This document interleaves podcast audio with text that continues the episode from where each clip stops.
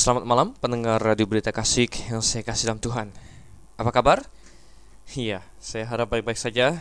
Bapak Ibu Surya yang kasih dalam Tuhan Saya ucapkan selamat malam tentunya. Dan Anda bergabung dengan Radio Berita Kasih dalam acara Setiap uh, malam Senin, Selasa, Kamis, dan Jumat. Dari pukul 9 hingga pukul 10 malam Acara Mutiara Kebenaran. Dan saya harap Anda sudah siap pada malam hari ini untuk membahas kebenaran firman Tuhan. Karena itulah yang akan kita lakukan bersama di dalam acara Mutiara Kebenaran ini dari Kitab Kejadian pasalnya yang ke-9 kali ini. Oke, sudah kasih Tuhan. Kejadian pasalnya yang ke-9. Saya harap Anda mempersiapkan Alkitab Anda dan kita akan segera masuk ke dalam pembahasan firman Tuhan. Baik, uh, kita buka dulu Alkitab dan kita akan berdoa sebelum kita membahas firman Tuhan. Mari kita tundukkan kepala, kita berdoa. Bapak yang di surga, kami mengucap syukur Tuhan untuk segala kebaikanmu, untuk segala kasih setiamu, segala pimpinanmu kepada kami. Dan kami merindukan pimpinan yang sama itu, pimpinan yang agung itu untuk membawa kami satu jam ke depan dalam pembahasan firman-Mu yang bermutu ya Tuhan. Agar kami dapat mengerti firman-Mu, kami dapat menjalaninya dalam kehidupan kami sehari-hari. Pimpinlah Tuhan, kami berdoa di dalam nama Yesus Kristus, Tuhan dan Juru Selamat kami yang hidup. Amin.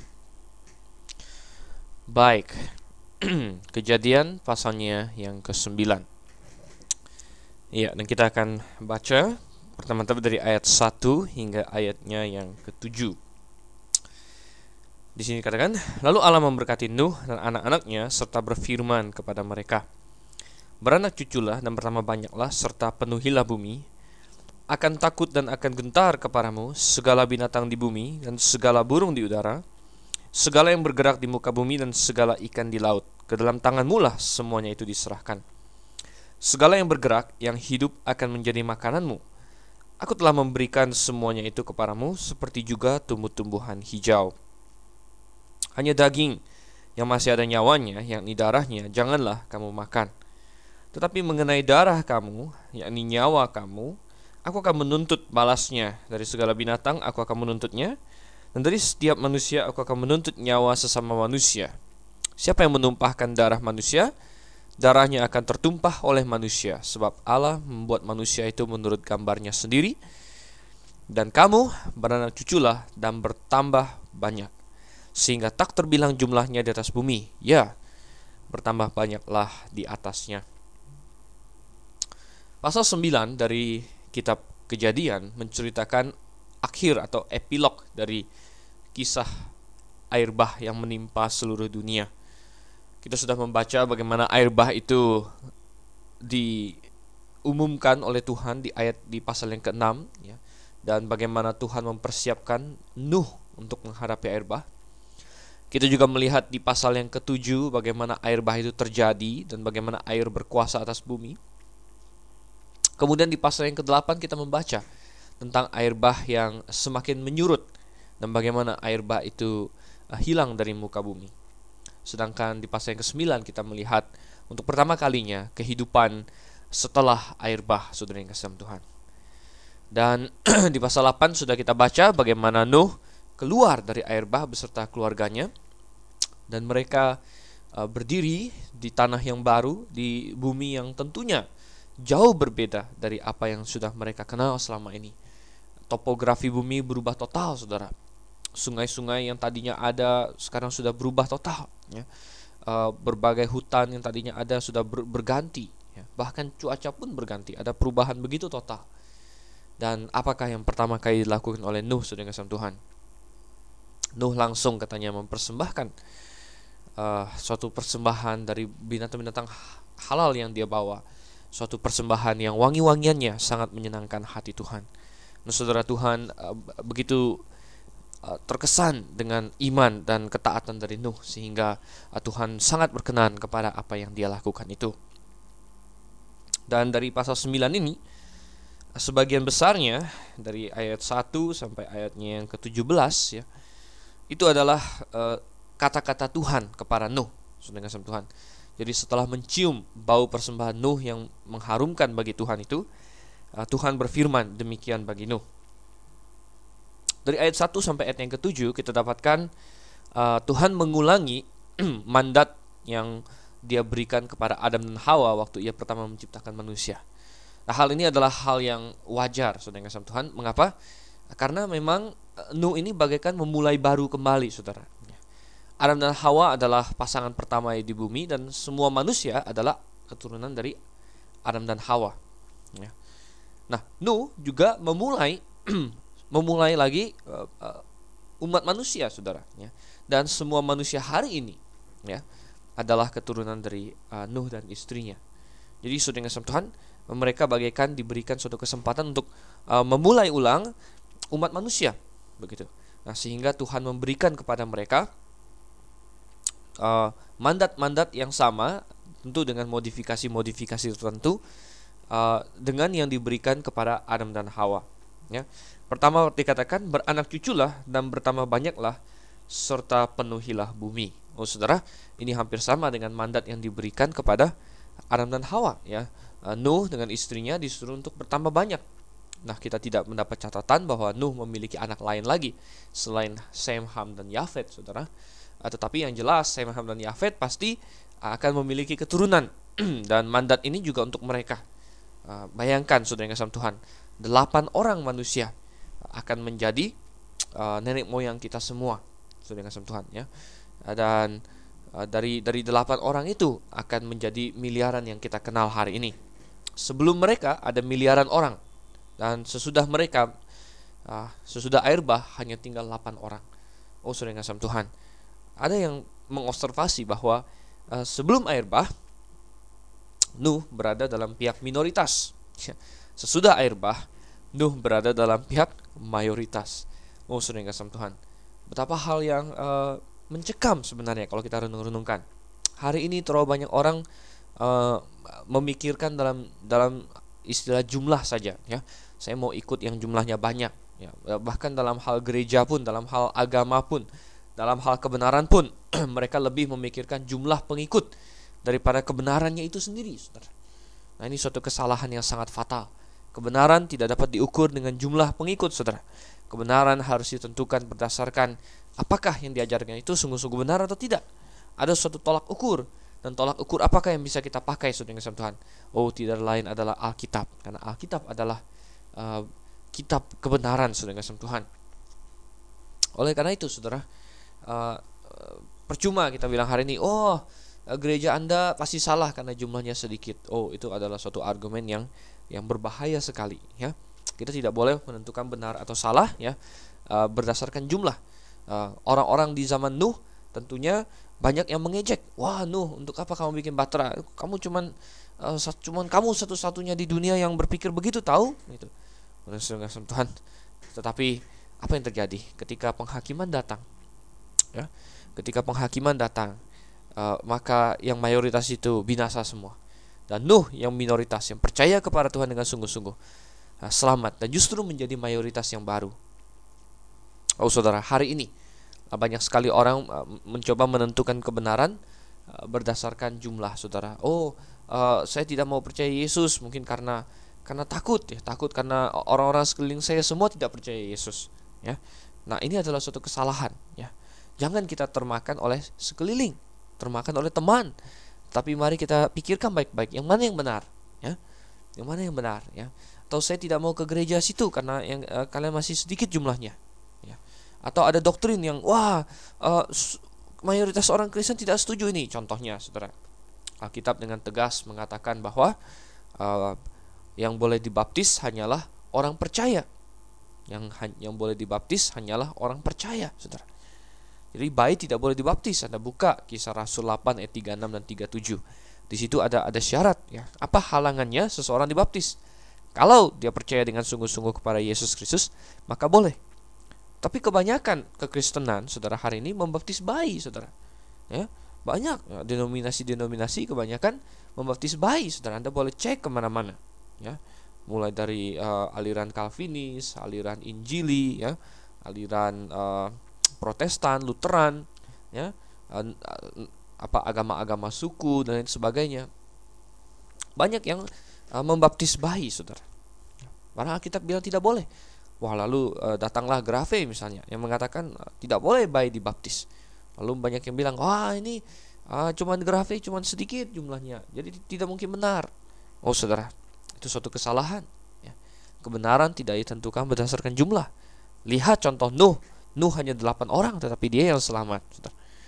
Nah, bagaimana dengan uh, masalah wanita? Yang mayoritas gereja hari ini tidak masalah wanita memimpin, uh, mengajar di dalam jemaat, mengajar laki-laki dewasa, bahkan menjadi gembala sidang pengkhotbah, Saudara. Tapi Alkitab berkata apa? Anda boleh baca dalam 1 Timotius pasal 2, Saudara. Ya, misalnya ya, uh, bahwa yang benar adalah Tuhan tidak izinkan itu. Mengapa, Saudara? Bukan karena Tuhan tidak sayang perempuan, ya. Tuhan sangat sayang perempuan dan perempuan bisa ikut pelayanan dalam banyak sekali hal. Tetapi Tuhan sudah tetapkan ketika Tuhan menciptakan Adam dan Hawa bahwa Adam dan laki-laki diberi menjadi pemimpin dan wanita diberi menjadi penolong, Saudara. Bukan yang satu lebih hebat dari yang lain, tapi ada perbedaan fungsi, Saudara. Ya, sama seperti Allah Bapa menjadi pengutus dan Allah Anak menjadi yang diutus untuk mati dari kayu salib. Roh Kudus menjadi yang uh, bekerja di hati orang percaya. Nah, itu semua pembagian tugas. Ya. Tidak ada berarti Allah Bapa lebih hebat dari Allah Anak. Bukan itu, saudara. Nah, uh, demikianlah ya uh, banyak orang hari ini, wah ini nggak bisa begitu katanya ya. Zaman sudah berubah ya. Kebanyakan gereja hari ini pasti tidak setuju kalau mengajarkan hal seperti itu tentang wanita. Oh, sudah yang Tuhan. Dengan segala hormat saya katakan bahwa kita tidak begitu peduli tentang apa yang dikatakan oleh manusia, ya. tetapi kita peduli apa yang dikatakan oleh Allah. Ya. Dan Allah berkata bahwa tidak benar demikian, maka kami tidak berani untuk melakukannya. Di pihak manakah Anda? Apakah Anda berpikir tentang banyak jumlahnya, sedikit jumlahnya, atau Anda berpikir tentang kebenaran, saudara? Anda ketahuilah suatu hari nanti yang benarlah yang akan terbukti benar. Yang yang benarlah yang akan Tuhan tinggikan dalam posisi yang yang semestinya. Ya bukan yang banyak. Oh sudah kasih Tuhan. Kita lihat jadi di ayat 1 Tuhan menyuruh uh, Nuh untuk beranak cucu dan bertambah banyak. Dan uh, ada sedikit yang ingin saya uh, singgung juga di sini yaitu mengenai uh, sedikit mengenai genetika saudara ya. Genetika kebetulan saya dokter umum ya. Dan ada banyak orang yang bertanya seperti ini mungkinkah seluruh umat manusia berasal dari satu pasang manusia saja Contohnya Adam dan Hawa ya. Ingat atau atau Nuh, pasangan Nuh ya. Nah, um, hari ini manusia ada dari berbagai suku bangsa dengan berbagai ciri mereka masing-masing. Ada yang warna kulitnya uh, putih ya, ada yang hitam, ada yang coklat, sawo matang seperti katanya bangsa Indonesia ya. Dan banyak lagi, ada yang matanya juga warna-warni ya, rambutnya warna-warni, ada berbagai ciri ya. Mungkinkah semua itu muncul dari uh, satu pasang manusia Adam dan Hawa? Uh, atau dari satu pasang manusia uh, Nuh dengan istrinya, saudara? Nah, ilmu genetika yang yang manusia semakin hari semakin banyak tahu, ya, memberitahu kepada kita bahwa itu mungkin sekali, saudara Tuhan, mungkin sekali, ya, karena di dalam satu pasang manusia sekalipun bisa tersimpan keragaman ekspresi genetik yang begitu luas, ya yang bisa muncul dalam anak-anak mereka. Ya. Jadi uh, dari dari semua teori yang ada kita bisa lihat bahwa Adam dan Hawa pastilah uh, bukan berada pada uh, salah satu ekstrim dalam spektrum saudara. Misalnya dalam hal warna kulit ya uh, kita yakin dari sudut ilmu genetika ya bahwa Adam dan Hawa kemungkinan besar adalah orang yang uh, berkulitnya agak-agak di tengah-tengah, bukan yang putih sekali, bukan juga yang hitam sekali, saudara. Ya. Uh, sehingga anak-anak mereka bisa mewarisi ya keseluruhan spektrum dari uh, warna kulit. Nah, demikian juga dengan semua sifat yang lain. Jadi secara genetika sama sekali tidak ada masalah. Ya. Demikian juga dengan Nuh. Ya. Uh, ada orang yang yang me, menafsirkan, oh anak Nuh itu satunya uh, kulit hitam, satunya kulit putih, satunya kulit uh, uh, coklat dan lain sebagainya. Oh itu tidak tidak perlu ditafsirkan begitu ya. Mereka bisa saja semuanya uh, agak-agak kecoklatan ya mungkin yang satu coklatnya lebih dalam yang satu coklatnya lebih lebih muda ya dan uh, dari mereka ya dengan uh, seperti anjing sebenarnya anjing kalau dikawinkan sesamanya kita bisa mendapatkan satu jenis yang uh, benar-benar memiliki sifat yang kita inginkan demikian juga kalau manusia yang coklat uh, kulitnya coklat agak gelap kawin lagi dengan yang coklat agak gelap kawin terus kawin terus kawin terus yang agak gelap agak gelap akhirnya mendapatkan yang yang uh, warna kulitnya gelap sekali. Demikian juga dengan yang putih, saudara kasih Tuhan. Jadi itu semua ada dalam rentang genetika manusia, tidak ada masalah. Jadi uh, secara ilmu pengetahuan tidak ada hambatan untuk percaya bahwa seluruh manusia berasal dari uh, satu pasang awal Adam dan Hawa dan juga tidak ada alasan untuk meragukan bahwa kemudian mereka juga berasal dari satu pasang manusia yaitu uh, Nuh beserta dengan istrinya. Nah, apa mandat berikutnya bagi manusia, saudara? Mandat berikutnya bagi manusia kita lihat di ayat yang kedua. Ya. Akan takut dan akan gentar kepadamu segala binatang di bumi dan segala burung di udara, segala yang bergerak di muka bumi, segala ikan di laut. Ke dalam tanganmu lah semuanya itu diserahkan. Ini adalah mandat yang mirip-mirip dengan eh, mandat yang diberikan kepada Adam di dalam pasal yang pertama di mana Tuhan menyuruh Adam untuk apa?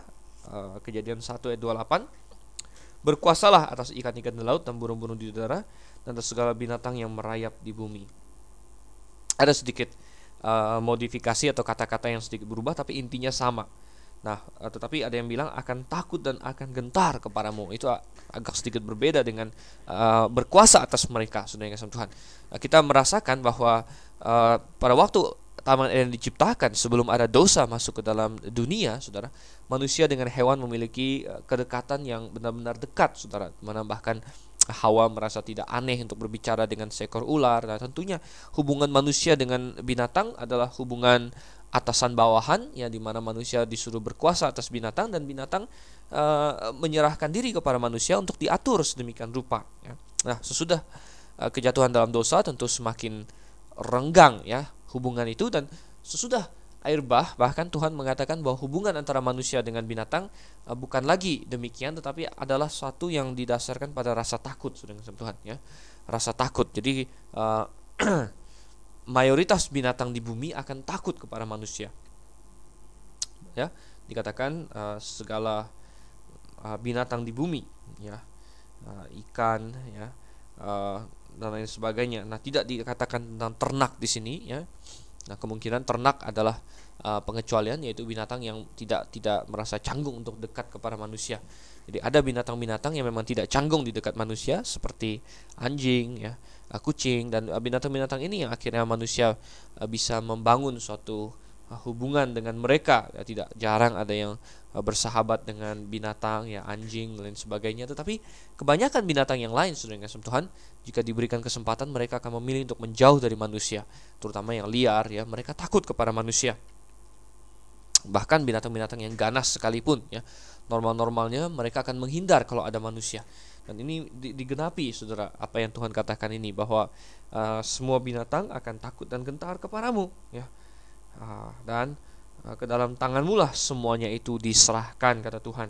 Nah, mandat yang ketiga kita lihat di ayat yang ketiga Segala yang bergerak, yang hidup akan menjadi makananmu. Aku telah memberikan semuanya itu kepadamu seperti juga tumbuh-tumbuhan hijau. Oh, saudara yang kasih Tuhan. Uh, di sini kita mendapatkan dari Tuhan sendiri mandat untuk memakan daging binatang. Karena sebelumnya, sebelum titik ini, uh, manusia hanya makan tumbuh-tumbuhan saja, yang kasih Tuhan. Nah, mungkin ada manusia yang sudah makan binatang sebelum air bah, tetapi itu adalah uh, itu belum diizinkan oleh Tuhan sebenarnya. Mungkin mereka melakukan itu hanya karena ketidak ketidaktaatan mereka ya. Ingat bahwa manusia-manusia sebelum air bah jahat-jahat ya. Uh, mungkin mereka sudah ada yang makan binatang dan sebagainya, tetapi barulah secara resmi diizinkan oleh Tuhan untuk makan binatang ya uh, setelah air bah. Ya. Nah ini mengapa di sini Tuhan izinkan kita makan binatang? Ya, ya mungkin ya uh, ada perubahan iklim, perubahan uh, cuaca dunia, pokoknya dunia yang begitu berubah sehingga tumbuh-tumbuhan juga mungkin uh, tidak tidak seperti dulu lagi ya. suatu hal yang menyebabkan Tuhan merasa bahwa manusia memerlukan uh, gizi yang lebih ya protein yang lebih ya dan hal-hal yang lebih dari binatang agar bisa uh, bertahan hidup dengan baik saudara ya nah, dan uh, ini satu hal yang perlu diingat selalu bahwa bagi orang Kristen sebenarnya tidak ada masalah untuk makan daging saudara ada banyak agama yang uh, salah kaprah begitu ya saya katakan uh, mereka menganggap kalau tidak makan daging itu sesuatu yang bagus begitu ya Nah, ini suatu kesalahan, Saudara. Jadi, banyak orang yang tidak mengenal Tuhan hari ini semakin hari semakin menentang makan daging, Saudara. Banyak orang masuk ke vegetarianisme, ya. Tetapi dengan berbagai alasan yang konyol-konyol, yang yang salah total, ya. Nah, seperti saya katakan ada orang dari agama tertentu yang menjadi vegetarian karena dia takut kalau makan daging binatang itu memakan nenek moyangnya yang reinkarnasi, ya. Nah, ini suatu hal yang bodoh tentunya, ya uh, Alkitab uh, mengatakan atau uh, ya Alkitab mengatakan bahwa manusia hanya mati satu kali saja ya, dan sesudah itu dihakimi ya. Artinya tidak ada proses reinkarnasi di mana manusia mati, hidup lagi, mati, hidup lagi berulang-ulang ya. Tapi manusia hid, mati satu kali saja. Nah, uh, tetapi ada juga orang-orang um, yang semakin hari uh, menjadi vegetarian karena hal-hal yang bodoh-bodoh, saudara ya um, ada yang merasa itu adalah suatu tindakan yang kejam untuk binatang ya uh, banyak organisasi liberal sekarang ya yang aneh-aneh saudara ada satu organisasi yang bernama PETA ya uh, PETA itu singkatan dari People for Ethical Treatments of Animal ya. jadi uh, saya terjemahkan itu organisasi orang-orang yang mengusahakan uh, perlakuan etis terhadap binatang saudara perlakuan etis nah sebagai orang Kristen ya kita percaya bahwa kita punya tanggung jawab terhadap binatang dan kita orang yang penuh belas kasihan, penuh uh, penuh rasa lemah lembut. Tentu kita juga tidak akan sewenang-wenang terhadap binatang, saudara. Ya, uh, di dalam Amsal dikatakan bahwa uh, bahkan hewan orang benar pun uh, merasakan kenikmatan begitu ya. Uh, tetapi apa yang dimaksud dengan perlakuan etis kepada binatang ya kalau menurut grup ini, maka binatang tidak boleh dibunuh ya. Karena itu menjadi perlakuannya tidak etis atau uh, kalau dibunuh pun harus dengan cara di mana mereka tidak merasakan rasa sakit dan lain sebagainya. Ini sudah keterlaluan, sudah kasih Tuhan ya. Tentu saya tidak uh, tidak menyarankan kita uh, menyiksa binatang ya atau sengaja membuat binatang kesakitan, tetapi uh, membunuh binatang guna makanan manusia itu diizinkan oleh Tuhan. Seperti nyata dalam uh, kejadian pasal 9 ini ya. Itu adalah hal yang sah dan orang Kristen tidak perlu uh, merasa bagaimana dalam melakukan hal itu ya. Jadi hari ini makin kacau balau sudah kasih Tuhan. Ada uh, grup-grup yang sering demonstrasi uh, uh, telanjang bulat dan lain sebagainya untuk menentang pemakaian kulit binatang untuk pakaian manusia ya Nah, ini juga suatu hal yang bodoh, saudara ya. Uh, siapakah yang paling pertama memakai kulit binatang sebagai pakaian manusia? Siapa saudara ya? Adalah Tuhan, saudara ya. Di Taman Eden Anda masih ingat ketika Adam dan Hawa uh, mengetahui mereka telanjang, mereka mencoba membuat cawat untuk diri mereka sendiri, tapi cawat itu tidak mampu menutupi ketelanjangan mereka dengan dengan sempurna. Nah, ini mengingatkan saya satu poin lagi bahwa Tuhan tidak ingin sekedar uh, beberapa helai kain saja untuk menutupi manusia seperti yang banyak terjadi pada uh, baju-baju seperti bikini atau rok mini atau lain sebagainya ya. Ketika Adam dan Hawa membuat cawat ya, Tuhan bilang ini tidak cukup. Saya ingin suatu baju yang yang yang sopan. Aku ingin membuatkan mereka baju yang menutupi seluruh tubuh mereka ya, bukan hanya sekedar cawat saja ya. Nah, dan Tuhan uh, korbankan satu ekor binatang di situ dan kulitnya dipakai untuk membuat pakaian bagi Adam dan Hawa, Saudara. Nah, uh, kita melihat jadi siapa yang paling pertama memakai kulit binatang sebagai pakaian Tuhan, saudara. Jadi orang Kristen tidak ada masalah hari ini mestinya ya eh, dengan memakai kulit binatang untuk uh, berbagai hal, saudara ya. Ada yang untuk tas, untuk uh, untuk pakaian. Karena apa? Binatang memang telah diserahkan ke dalam kekuasaan manusia untuk memenuhi kebutuhan manusia. Nah, tentu ya saya uh, ingin juga saya bukannya menolak bahwa kita perlu melestarikan alam, kita perlu melindungi katanya binatang-binatang yang terancam punah ya supaya anak cucu kita bisa melihat binatang-binatang itu. Itu sih sah-sah saja gitu ya. Uh, tetapi binatang-binatang ada juga yang masih banyak dan itu sah-sah sah, sah saja untuk kita pergunakan apakah untuk pakaian, untuk makanan, uh, untuk obat dan lain-lain sebagainya. Oke, ya. Jadi kita lihat nah, segala binatang boleh uh, menjadi makanan ya. Tidak ada alasan bagi orang Kristen untuk menjadi vegetarian ya. Um, ya kecuali apa? Ya mungkin untuk alasan kesehatan tapi saya sebagai dokter umum ya saya tidak uh, tidak pernah belajar ya, tidak pernah ada teori bahwa vegetarian harus selalu lebih sehat daripada orang yang makan daging. Nah tentu saya katakan bahwa makan daging terlalu banyak uh, tidak sehat karena uh, menimbulkan kolesterol dan lain sebagainya. Tetapi itu adalah makan daging terlalu banyak ya. Kalau makan daging dalam proporsi yang seimbang, saudara sama Tuhan, ya itu sama sekali tidak masalah ya dan tidak merusak kesehatan. Tapi uh, bahkan di dalam daging ada protein-protein yang cukup penting bagi bagi manusia itu sendiri. Oke, okay, um, ayat 4 dan ayat yang kelima bicara mengenai darah ya. Uh, jadi sama seperti Eh, zaman itu masih ada tentang haram dan halal, saudara, uh, dan darah juga dilarang bagi manusia. karena apa? Uh, karena dua hal sebenarnya, ya, yaitu darah menyimbolkan kehidupan, ya, darah menyimbolkan kehidupan. Dan mengapakah darah menyimbolkan kehidupan, saudara kasih Tuhan? Darah menyimbolkan kehidupan uh, karena darah juga menyimbolkan kematian Yesus Kristus, ya. Jadi ini masalah lambang Yesus Kristus akan mencurahkan darahnya di atas kayu salib ya. Sehingga uh, darah yang menyimbolkan hal itu, menyimbolkan kehidupan itu tidak boleh dikonsumsi oleh manusia. Itu karena masalah simbol. Dan nomor dua ya uh, tentunya Tuhan ingin mengajar agar manusia memasak masakannya. Artinya tidak tidak dimakan mentah-mentah. Karena uh, daging yang dimakan mentah-mentah itu sangat berisiko akan penyakit dan lain sebagainya ya. Oleh karena itu uh, kalau kalau sampai binatang itu dimasak dulu maka tentu darahnya sudah akan hilang saudara. Dan um, itu yang Tuhan ingin ajarkan. Nah hari ini ya kita tentu sebagai orang Kristen juga tidak diharapkan untuk sengaja untuk mencari darah untuk dimakan atau diminum ya karena uh, itu uh, tidak ada tidak ada gunanya bagi kita. Tetapi kalau termakan atau ada sedikit-sedikit termakan tersisa dalam makanan itu juga bukan sesuatu yang haram untuk kita. nah, kemudian ada satu hal yang menarik di ayat yang kelima, sangat penting sekali ya. Dikatakan tetapi mengenai darah kamu. Jadi darah binatang itu ya, darah binatang tidak boleh dimakan ya pada masa itu ya. Tetapi kita lihat bagaimana dengan darah manusia. Nah, ayat 5 tetapi mengenai darah kamu yakni nyawa kamu aku akan menuntut Tuhan akan menuntut balasnya dan di sini Tuhan menetapkan hukuman mati sama Tuhan ya aku akan menuntut balasnya dari setiap binatang aku akan menuntutnya dan dari setiap manusia aku akan menuntut nyawa sesama manusia. Siapa menumpahkan darah manusia darahnya akan tertumpah oleh manusia. Sebab Allah membuat manusia itu menurut gambarnya sendiri ya. Uh, dan kamu beranak cuculah dan bertambah banyak sehingga tak terbilang jumlahmu di atas bumi ya bertambah banyaklah di atasnya. Uh, ada beberapa hal yang penting untuk kita diskusikan dalam uh, poin yang satu ini. Yang pertama adalah bahwa fakta uh, Tuhan ya menempatkan uh, hukuman mati.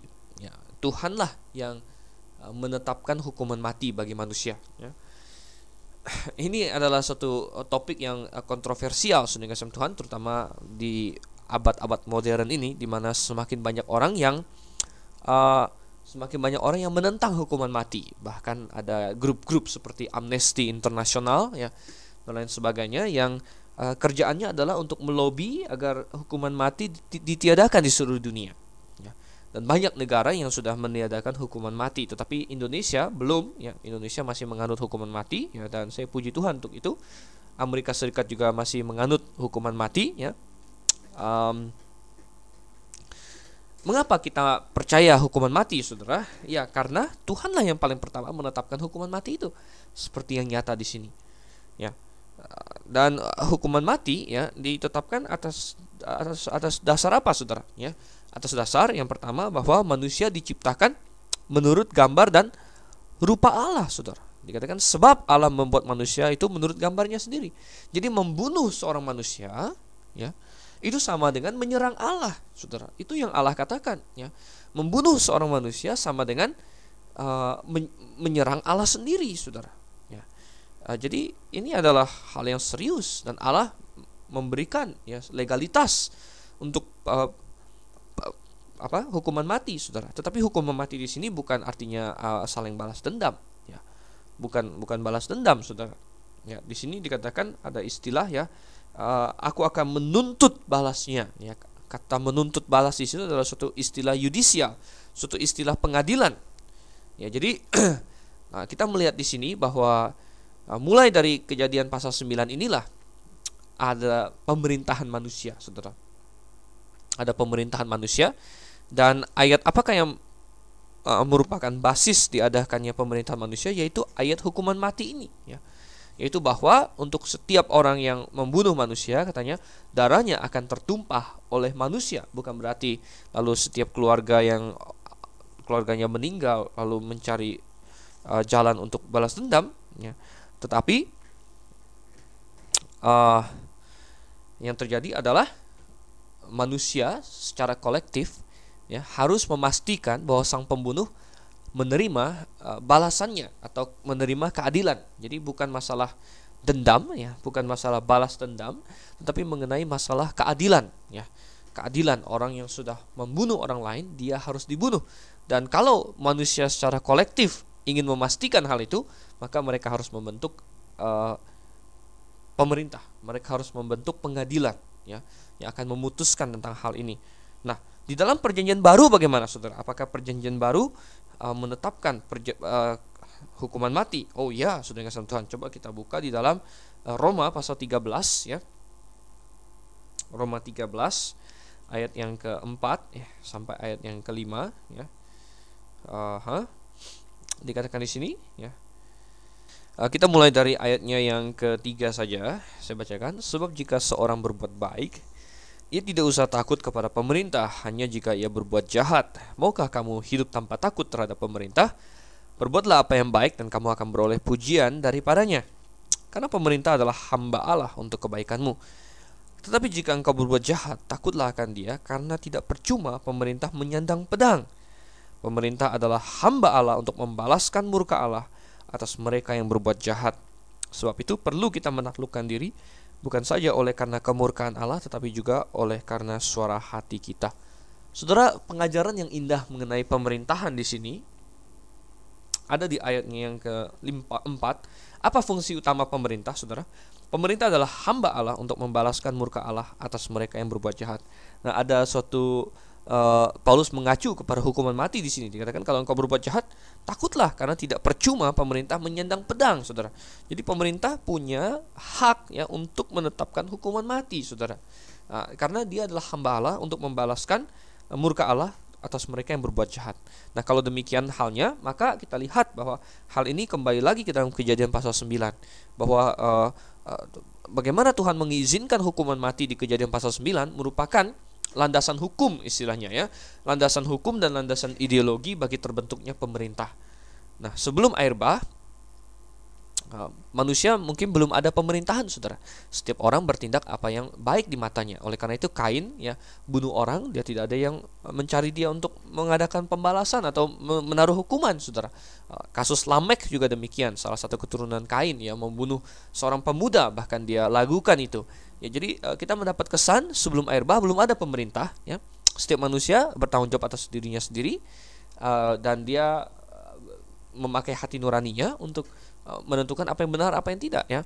Dan mungkin uh, dengan demikian terjadi kekacauan dan manusia katanya segala kecenderungan hatinya adalah jahat semata-mata. Ya, dan mereka berbuat seperti itu. Oh, sudah kasih Tuhan. Nah, kita lihat ya bahwa Uh, terjadi kekacauan dan untuk menghindarkan hal yang sama terjadi di dunia setelah air bah, Allah menetapkan hukuman mati beserta uh, yang menjadi landasan hukum untuk terbentuknya pemerintah.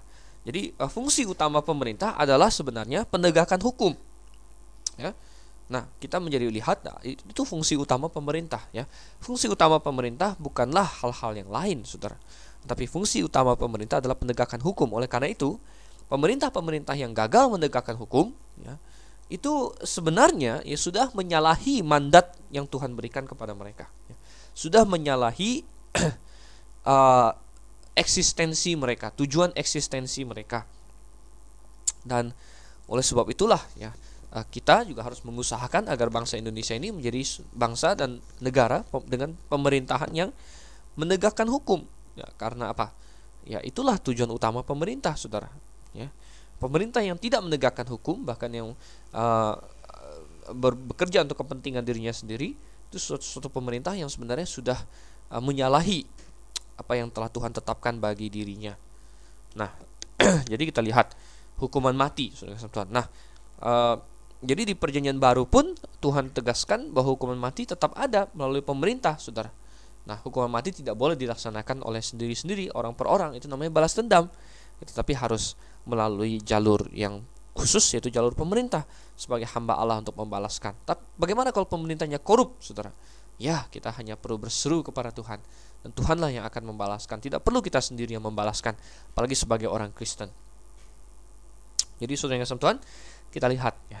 Tetapi hari ini begitu banyak orang yang ingin meniadakan hukuman mati yang mereka bilang itu tidak uh, tidak manusiawi ya. Mereka bilang itu uh, melanggar hak asasi manusia Oh, saudara yang Tuhan, saya tanya kepada Anda, ya. Uh, memang hukuman mati bukanlah suatu hal yang mengenakkan, tetapi uh, kita harus lihat ini keadilan, saudara. Ini keadilan. Ya, dia sudah membunuh orang. Ya, maka ketika dia membunuh orang, ya dia dengan pada waktu yang sama dia mencoreng haknya sendiri untuk hidup. Ya. Dan saya tanya lagi, hak hak asasi manusia itu didapat dari mana? Bukankah dari Tuhan, saudara? Tuhan yang menciptakan manusia, yang memberikan para manusia itu harkat martabat sebagai manusia dan dengan demikian hak asasi manusia. Dan kalau Allah yang sama, yang menciptakan manusia dan memberikan manusia harkat dan martabat, telah uh, mengindikasikan kepada kita, bukan saja memperbolehkan, tetapi mengharuskan adanya sistem pengadilan yang oke okay, ya untuk hukuman mati, maka uh, itu harus dilaksanakan ya. Dan uh, perlu Anda ketahui juga bahwa dengan mengadakan hukuman mati ini uh, ini merupakan landasan hukum bahkan untuk semua hukum yang lain.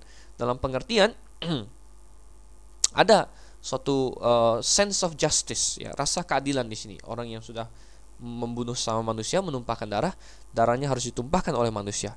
Dan pengadilan atau pemerintah tentunya harus bertindak agar ini tidak terjadi dan mereka harus menghukum pelanggaran-pelanggaran yang lebih kecil, perampokan, penculikan ya, uh, apa pemerkosaan dan lain sebagainya tindakan-tindakan yang suatu hari bisa berkembang menjadi pembunuhan ya. Dan semua tindakan-tindakan yang lebih kecil ini dihukum dengan suatu hukuman yang lebih kecil saudara. Dan demikian seterusnya akhirnya seluruh tatanan hukum dapat dibuat. Oke. Jadi hal itu yang dapat kita lihat uh, mengenai hukuman mati ya. Nah uh, coba kita lihat ayat yang ke-8 sekarang sampai ayat yang ke-17 saudara. Ayat yang ke-8 sampai ayat yang ke-17 saya bacakan Berfirmanlah Allah kepada Nuh dan kepada anak-anaknya yang bersama-sama dengan dia Sesungguhnya aku mengadakan perjanjianku dengan kamu dan dengan keturunanmu dan dengan segala makhluk hidup yang bersama-sama dengan kamu. Burung-burung, ternak dan binatang-binatang liar di bumi yang bersama-sama dengan kamu Segala yang keluar dari bahtera itu, segala binatang di bumi. Maka kuadakan perjanjianku dengan kamu bahwa sejak ini tidak ada yang hidup yang akan dilenyapkan oleh air bah lagi dan tidak akan ada lagi air bah untuk memusnahkan bumi. Dan Allah berfirman, inilah tanda perjanjian yang kuadakan antara aku dan kamu serta segala makhluk yang hidup yang bersama-sama dengan kamu turun-temurun untuk selama-lamanya. Ayat 13, Busurku kutaruh di awan supaya itu menjadi tanda perjanjian antara aku dan bumi.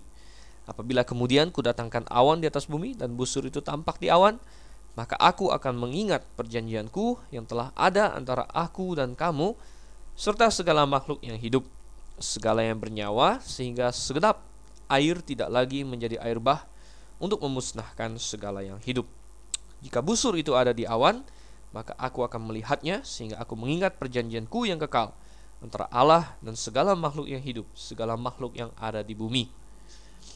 Berfirmanlah Allah kepada Nuh, inilah tanda perjanjian yang kuadakan antara aku dan segala makhluk yang ada di bumi.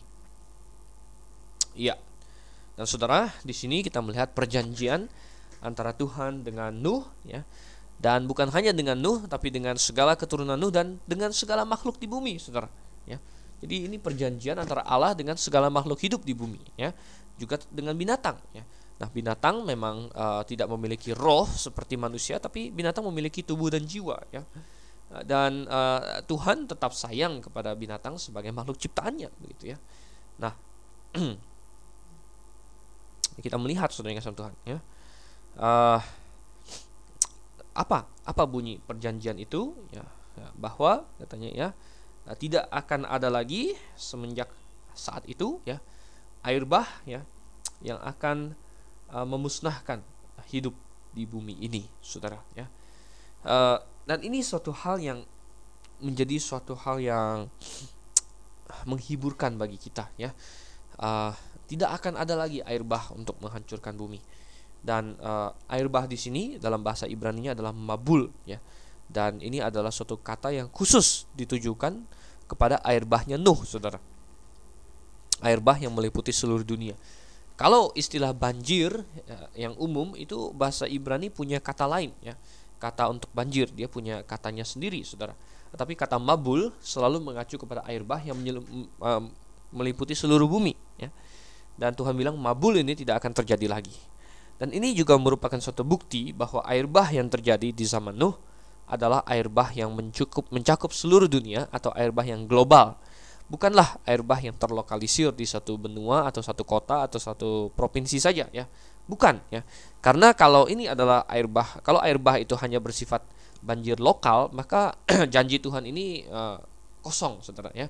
Karena di sepanjang sejarah sudah banyak sekali terjadi banjir yang besar ya yang hanya daerah tertentu saja yang telah menewaskan banyak orang, saudara.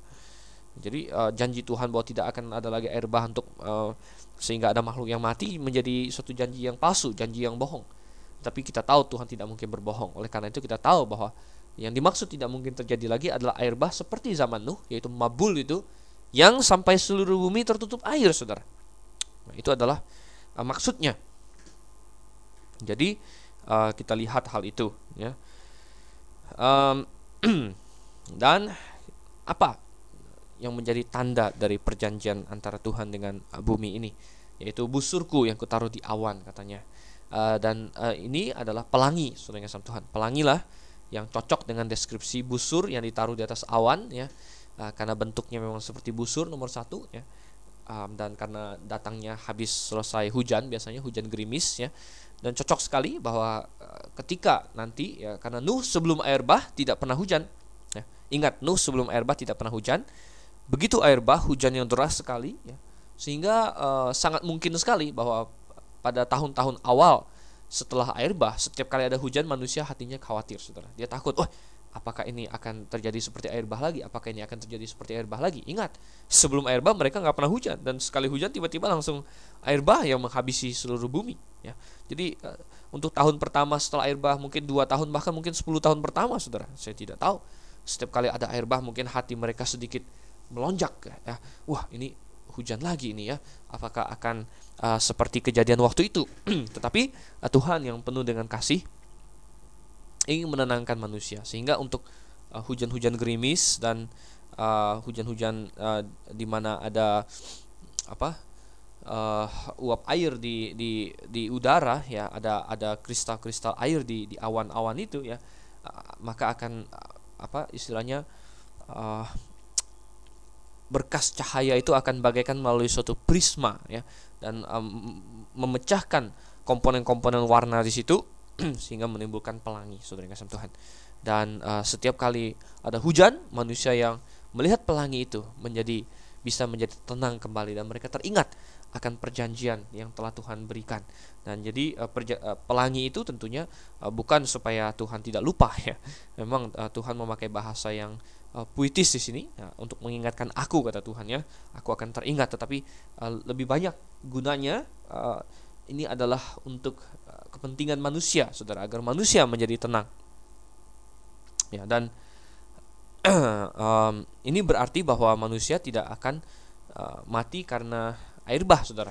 Oleh karena itu, para film-film Hollywood ya, film-film atau para uh, banyak sekali uh, tukang-tukang ramal, saudara yang berkata, wah ada pemanasan global segala macam ya, uh, sehingga nanti uh, es es uh, di kutub utara dan di kutub selatan bisa mencair semua dan kita semua akan mati tenggelam ya.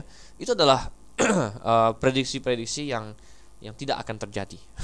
Mengapa tidak akan terjadi? Ya karena kita tahu bahwa dunia tidak akan binasa oleh air bah lagi Nah, tetapi bukan berarti penghakiman tidak mungkin datang lagi, Saudara. Bahkan Tuhan sudah katakan bahwa penghakiman akan datang lagi, ya. Penghakiman akan datang lagi. Coba kita buka dalam uh, surat Petrus, Saudara yang Tuhan, ya, yaitu 2 Petrus, ya. Uh, 2 Petrus pasalnya yang ketiga, ya. Uh, kita lihat 2 Petrus pasal yang ketiga ayat 5 dan sampai ayat yang ketujuh ya.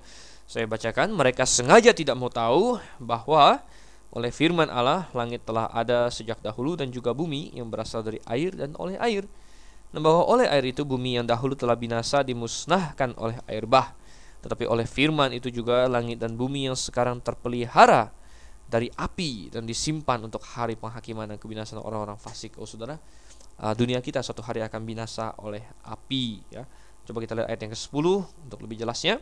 Tetapi hari Tuhan akan tiba seperti pencuri. Pada hari itu langit akan lenyap dengan gemuruh yang dahsyat dan unsur-unsur dunia akan hangus dalam nyala api, ya. Dan bumi dan segala yang ada di atasnya akan hilang lenyap, saudara yang kasih Tuhan. Jadi eh, dunia akan suatu hari binasa oleh api. Pertanyaannya adalah, uh, sudahkah anda mendapatkan keselamatan agar anda tidak ikut binasa di situ, saudara yang Tuhan? Percayalah kepada Yesus Kristus, maka engkau akan seperti Nuh, ya. Engkau akan selamat dari bencana yang telah Tuhan janjikan itu, ya. Nah, kita melihat ada banyak hal di sini, ya. Atmosfer bumi tentu artinya sudah berbeda, ya. Uh, kalau sebelum air bah tidak ada pelangi dan sesudah air bah baru ada pelangi, maka kita mendapatkan uh, indikasi bahwa atmosfer bumi berbeda antara sebelum air bah dengan sesudah air bah dan ini sudah kita bahas bahwa atmosfer bumi sebelum air bah ada lapisan air, ada kanopi air dan sebagainya ya. Ini hanya sekedar konfirmasi saja bahwa sungguh berbeda. Oke, kita lihat sekarang ayat 18 sampai ayat 29. Saya bacakan. 18 sampai 29. Anak-anak Nuh yang keluar dari Bahtera ialah Sem, Ham dan Yafet. Ham adalah bapak Kanaan, yang tiga inilah anak-anak Nuh dan dari mereka inilah tersebar penduduk seluruh bumi. Nuh menjadi petani. Dialah yang mula-mula membuat kebun anggur. Setelah ia minum anggur, mabuklah ia dan ia telanjang dalam kemahnya. Maka Ham, bapa Kanaan itu melihat aurat ayahnya, lalu diceritakannya kepada kedua saudaranya di luar.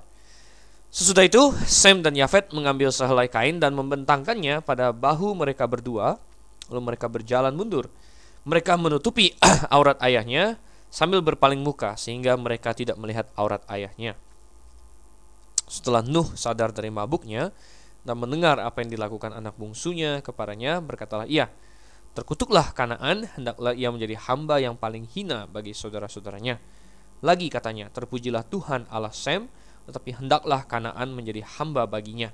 Allah meluaskan kiranya tempat kediaman Yafet, dan hendaklah ia tinggal dalam kemah-kemah Sem, tetapi hendaklah Kanaan menjadi hamba baginya. Nuh masih hidup 350 tahun sesudah air bah, jadi Nuh mencapai umur 950 tahun, lalu ia mati. Iya. Pasal ini berakhir dengan sesuatu hal yang menyedihkan, di mana kita melihat bahwa manusia memang memiliki uh, suatu permulaan yang baru. Manusia diberikan kesempatan untuk memulai dunia yang baru, saudara, untuk uh, mulai dengan uh, suatu dunia yang berbeda dengan dunia yang penuh kejahatan sebelumnya. Tetapi kita dengan cepat diingatkan kembali bahwa dosa masih uh, begitu berkuasa atas dunia ini. Dosa masih ada di dunia, ya. Uh, dan uh, ini di, diilustrasikan dengan cara yang luar biasa. Nuh bahkan seorang yang tidak bercela di hadapan Tuhan yang hidupnya kudus ternyata uh, ada juga momen-momen uh, di mana dia melakukan kesalahan, saudara. Dikatakan dia adalah yang pertama membuat kebun anggur, ya. Nah mungkin manusia uh, sebelum saat itu uh, belum terlalu terbiasa minum anggur. Dan uh, mereka belum belum apa belum sepenuhnya sadar akan efek memabukkan yang dihasilkan oleh anggur saudara. Karena Nuh adalah orang yang benar di hadapan Tuhan dan hidupnya tidak bercela. Saya tidak yakin bahwa Nuh dengan sadar memabukkan dirinya tahu bahwa resikonya dia mabuk lalu dia sengaja mabuk mabukkan ya saya rasa bukan seperti itu sifat Nuh, tapi Nuh ya uh, sebagai katanya yang awal sekali ya untuk membuat kebun anggur ya. Uh, dia belum begitu tahu, belum begitu fasih dengan efek-efek yang bisa ditimbulkan anggur bagi manusia. sehingga suatu kali dia mabuk ya dan dia telanjang dalam kemahnya.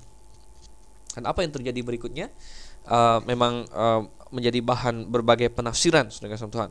Dikatakan bahwa Ham tetapi Ham di sini disebut sebagai bapak Kanaan, Saudara. Uh, mengapa Kanaan di sini ditonjolkan ya? Dan bahkan yang dikutuk kalau kita baca dari ayat uh, 25 itu adalah Kanaan, Saudara. Aneh sekali ya, Ham yang melakukan tapi Kanaan yang dikutuk ya. Um, jadi Ham bapak Kanaan ada kemungkinan adalah karena uh, Kanaan adalah anak yang bejat, Saudara. Dan uh, Nuh mungkin sudah melihat hal itu ya. Dan mungkin karena kebejatan anaknya Kanaan lah Ham menjadi semakin hari semakin bejat juga. Ya. Sehingga uh, Abraham eh, Abraham lagi Nuh Saudara uh, mengutuk Kanaan. Ya. Dan ini juga salah satu cara di mana dalam budaya timur mengutuk seseorang ya uh, bisa dengan cara mengutuk anaknya. Ya karena mengutuk anak seseorang berarti mengutuk bapaknya saudara ya. Dan kalau Nuh sampai mengutuk Ham yang ada anaknya sendiri maka itu berarti mengutuk dirinya sendiri saudara. Oleh karena itu untuk mengutuk Ham uh, Nuh mengutuk anaknya Ham yaitu Kanaan sehingga secara tidak langsung mengutuk Ham juga ya. nah kita lihat di sini ya apa yang sebenarnya yang dilakukan oleh Ham? Jadi Ham yang jelas katanya melihat aurat ayahnya ya. Ada tapi ada ada berbagai teori yang uh, menarik ya yang mengatakan mungkin yang terjadi adalah lebih dari itu karena kalau hanya sekedar melihat aurat ya mengapa Nuh harus marah begitu apalagi memang kesalahan dia sendiri dia telanjang bulat begitu ya. Tetapi kalau kita lihat di um, ayatnya yang ke-24 setelah Nuh sadar dari mabuknya dan mendengar apa yang dilakukan anak bungsunya kepadanya ya apa yang dilakukan oleh anak bungsunya di dalam uh, bahasa Ibrani-nya ini menunjukkan suatu tindakan aktif. Ada ada something ada sesuatu yang Ham uh, ya, ya yang Ham aktif lakukan kepada Nuh. Dan ada sebagian penafsir yang uh, melihat bahwa mungkin saja Ham di sini melakukan uh, tindakan homoseksual ya kepada Uh, kepada uh, Nuh atau atau dengan cara-cara lain melecehkan dia secara seksual ya. nah, uh, jikalau itu benar, maka kita melihat bahwa uh, bisa dimengerti uh, kutukan yang diberikan oleh Nuh kepada si si Ham atau si Kanaan ini yang melalui Kanaan uh, cucunya sendiri. Sehingga uh, dia mengutuk dan ini berlainan dengan kedua saudaranya Ham yang uh, rupanya memiliki sifat yang lebih rohani, saudara. Itu Sem dan Yafet ya. Uh, Sem dan Yafet di sini mereka katanya membentangkan kain, mereka tidak mau melihat kemaluan ayahnya karena mereka uh, menghormati dia, mereka berjalan ke belakang, mereka menutupi dia, ya. Dan uh, ini diberkati oleh Tuhan, ya, dan diberkati oleh Nuh, ya. Dan kita melihat di sini uh, bahwa ayah pada masa itu masih memiliki kuasa untuk memberkati dan mengutuki, ya. Mengapa? Ya karena ayah pada waktu itu masih bertindak sebagai uh, imam, saudara. Ya, ya artinya ayahlah yang uh, bertugas untuk menyampaikan kebenaran kepada anak-anaknya. Jadi ayah benar-benar harus didengar, ya. Dan uh, hari ini yang mendapat tugas penjaga kebenaran, tiang penopang dasar kebenaran adalah jemaat lokal, saudara. Anda boleh baca 1 Timotius 3 ayat 15, ya. Jemaat lokal, jemaat adalah tiang penopang dasar kebenaran. Nah, uh, pada zaman perjanjian lama sempat orang Israel atau bangsa Israel menjadi tiang penopang dasar kebenaran. Nah, pada masa Nuh ini masih uh, masih ayah yang memiliki tugas utama. Setiap ayah punya tugas untuk sampaikan kepada anaknya tentang kebenaran, saudara. Uh, dan oleh karena itu mereka bisa mengutuk, bisa memberkati, ya. Nah hari ini ada bapak-bapak yang kutuk-kutuk anaknya, berkat-berkat anaknya ya belum tentu dapat, saudara. Karena ini bukan bu, bukan zamannya lagi begitu. Nah apa berkat bagi Sam ya? Sam katanya Uh, Kanaan menjadi hamba baginya ya. Uh, Yafet juga ya dia uh, diperluas jadi uh, ininya ya. Nah kita melihat ya um, kita melihat di sini Nuh masih hidup 350 tahun sesudah air bah. Jadi Nuh mencapai umur 950 tahun lalu ia mati. Akhirnya ia mati saudara. Tokoh yang begitu luar biasa ini. Nah uh, apa yang bisa kita pelajari dari sini saudara? Bagaimana iman Nuh ya uh, menyelamatkan dia dan juga keluarganya melalui air bah. Dan cerita yang luar biasa ini cerita yang real saudara akhirnya selesai. Uh, maukah anda juga percaya kepada Yesus Kristus? Dan uh, bukan hanya uh, uh, tahu tentang dia bukan hanya pergi ke gereja tapi sungguh-sungguh percaya kepadanya. Nah, kalau anda uh, belum percaya kepadanya saya tantang anda untuk percaya kepadanya Ya, kalau Anda sudah percaya kepadanya, saya tantang Anda untuk taat kepadanya, Saudara. Taat kepada firman-Nya, cari kebenaran, ya. Sama seperti Nuh hidup uh, berkenan kepada Tuhan. Uh, itulah yang menjadi uh, kemauan kita semua. Amin, Saudara. Dan saya Dr. Stephen Einstein Leo mundurkan diri dari Anda. Selamat malam dan Maranatha.